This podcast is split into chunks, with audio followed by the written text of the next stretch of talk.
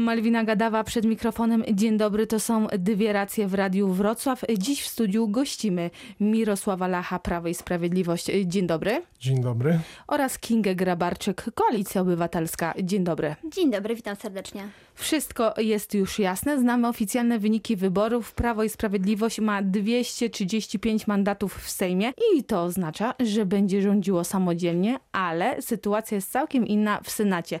Wszystko na to wskazuje, że PiS straci większość. Y, Panie radny, to pytanie oczywiście, oczywiście do Mirosława Lacha.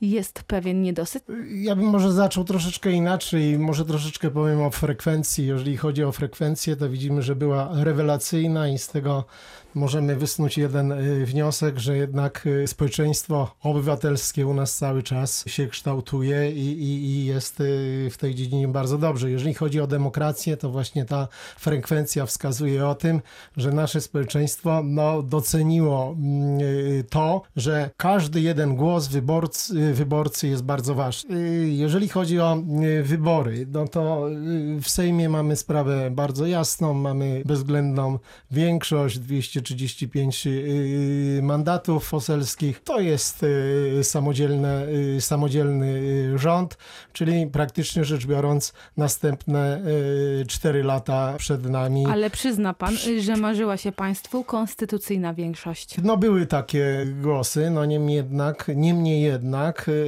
no wiedzieliśmy, że to nie jest aż takie łatwe. Myślę, że jeżeli chodzi o Senat, też nie będzie jakiegoś y, wielkiego problemu z tego tytułu, że mimo tego, że no, koalicja no, ma 51 y, mandatów, bo szczerze mówiąc no, 48 y, plus 1 pani Lidii Staroń trzeba zaliczyć jednak, że jest to mandat Prawa i Sprawiedliwości, mimo tego, że startowała z komitetu jakby niezależnego, czyli swojego, ale była popierana przez Prawo i Sprawiedliwość, bo tylko w tym jednym okręgu wyborczym Prawo i Sprawiedliwość nie wystawiło swojego kandydata. Może to, może to spowodować tylko jakby jedną rzecz, y, że proces legislacyjny troszeczkę się wydłuży.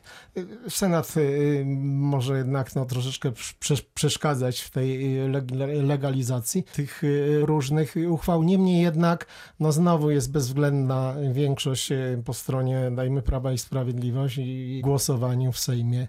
Myślę, że to wszystko będzie prostowane. Także tutaj bólu głowy nie ma. Cieszy, cieszymy się z tego, że społeczeństwo znowu nam e, zaufało, znowu nam powierzyło e, formowanie rządu i, i, i rządzenie przez 4 lata. Trudna sytuacja w koalicji obywatelskiej. Jeszcze przed oficjalnym, oficjalnym ogłoszeniem wyników wyborów już pojawiły się w Platformie Obywatelskiej głosy dotyczące no, pewnych zmian w partii, także zmiany przewodniczącego. O tym mówi także Bogdan Zdrojewski. Bogdan Zdrojewski mówił na antenie Radia Wrocław, że lifting nie wystarczy, że Grzegorz Schetyna powinien wiedzieć, co zrobić i on mu nie będzie doradzał. Oczywiście sugestia jest jasna.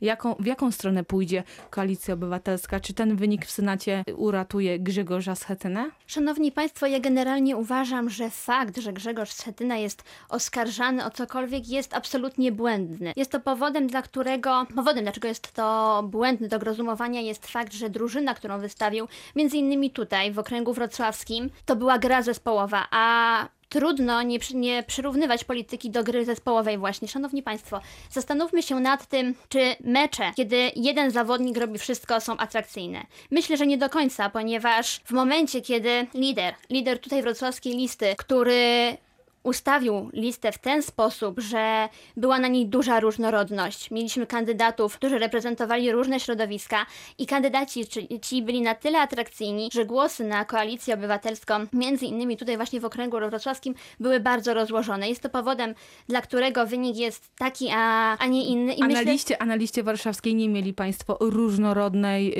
y, różnorodnej listy i ciekawych kandydatów? Owszem, mieliśmy różnorodną Ale listę. Ale to nie przeszkodziło liderce Małgorzacie Kida Kidawie Błońskiej no, osiągnąć fenomenalny wynik, tak? Ponad 400 tysięcy głosów. Owszem, wynik pani marszałek Kidawy Błońskiej jest absolutnie wspaniały, natomiast proszę zauważyć, to była kandydatka Koalicji Obywatelskiej na premiera, więc tutaj tak duży wynik nie dziwi. I pomimo tego, że kandydatki i kandydaci na liście warszawskiej również byli bardzo atrakcyjni dla wyborcy, to zauważmy, że fakt właśnie, że to pani e, marszałek Małgorzata Kidawa-Błońska miała reprezentować e, Koalicję Obywatelską jako premier i fakt, że poparło ją tylu wyborców, e, pozostawia nam wspaniały wniosek, że ludzie poparli ją, poparli jej kandydaturę i uważam, że aprobata wyborców dla, dla niej jest jak najbardziej A satysfakcjonująca czy dla nas. zdecydowana mniejsza liczba głosów na Grzegorza Schetynę i to w jego mateczniku tak naprawdę, w jego mieście oznacza, że wybor, wyborcy wystawili mu czerwoną kartkę,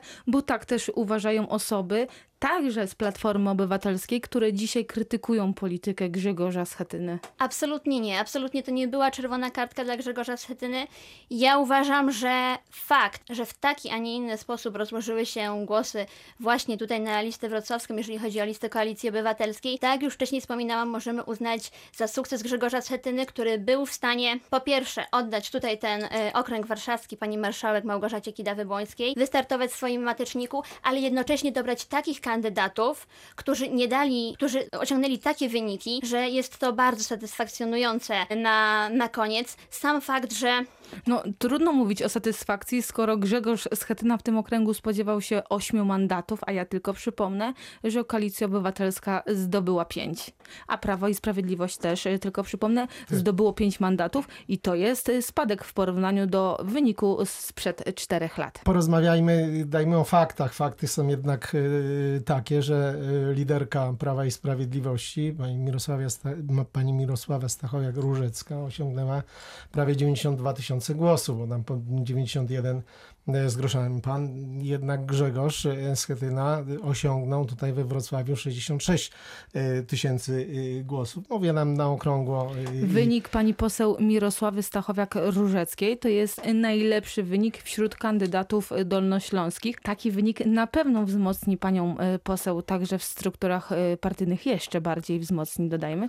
E, Czy możemy o tym mówić, że pani poseł Mirosława Stachowiak-Różecka no, będzie na przykład kandydatem na ministra edukacji narodowej lub wiceministrem, bo o tym e, mówi się od miesięcy.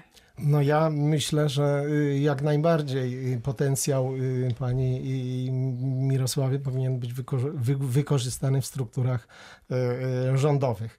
I mam nadzieję, że tak, że tak będzie z tego tytułu, że jest po pierwsze i przygotowana, kompetencje jak najbardziej, a mówiąc o dajmy edukacji, no ma w tym kierunku wszelkiej predyspozycje, żeby tego typu stanowisko objęła. Pytanie do Kingi Grabarczyk. W jaki sposób opozycja będzie chciała wykorzystać ten dobry wynik e, w Senacie? W jaki sposób opozycja będzie chciała wykorzystać to, no, że jak wszystko na to wskazuje, ma większość w Izbie Wyższej Parlamentu? Jesteśmy bardzo satysfakcjonowani tym wynikiem, a zgodnie z regulacjami, które są w Konstytucji, zgodnie z artykułem 121 Konstytucji RP, Senat może albo przyjąć całą ustawę, która zostanie przekazana przez Sejm w całości, może wprowadzić poprawki, albo może ją odrzucić. I tutaj chciałabym zwrócić uwagę na fakt, że skoro Prawo i Sprawiedliwość nie ma większości konstytucyjnej, możemy być pewni, że, że na razie faktycznie takie uregulowania w Konstytucji zostaną.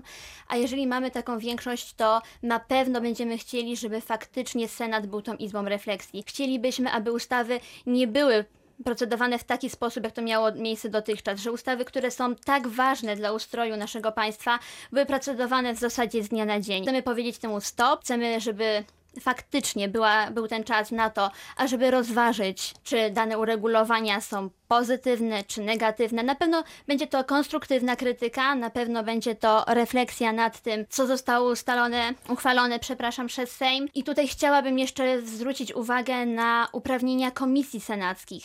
Mianowicie, jeżeli chodzi o, o Senat, to oczywiście uregulowania konstytucyjne, ale mamy również regulamin Senatu. Regulamin Senatu traktuje o tym, że komisje mogą powoływać m.in. członków Rady Ministrów do tego, ażeby tamci, jeżeli oczywiście jest to zakres działania komisji, wskazywali, wyjaśniali i są to uprawnienia zarówno w stosunku do członków Rady Ministrów, jak również różnego rodzaju instytucji e, państwowych, czy też spółek, które są zarządzane przez Skarb Państwa. Zamierzamy to wykorzystywać tak, ażeby weryfikować pewne rzeczy już w momencie wcześniejszym, nie gdzieś na koniec, tylko, tylko w trakcie, na bieżąco, ponieważ mówię, Senat, owszem, będziemy zastanawiać się nad tym. Senat nie jest w stanie zablokować ustawy i do tego też nie będziemy dążyć, żeby robić to bezrefleksyjnie i wszystko z definicji krytykować. Mirosław Lach się uśmiecha. Cieszy mnie to, że y, Senat nie będzie z automatu blokował mm, uchwał, bo mm, no, ustawy, które będą w Sejmie, a później tak w Senacie, jeżeli one będą tylko wnosiły coś dobrego, no to jestem święcie przekonany, że Senat takich uchwał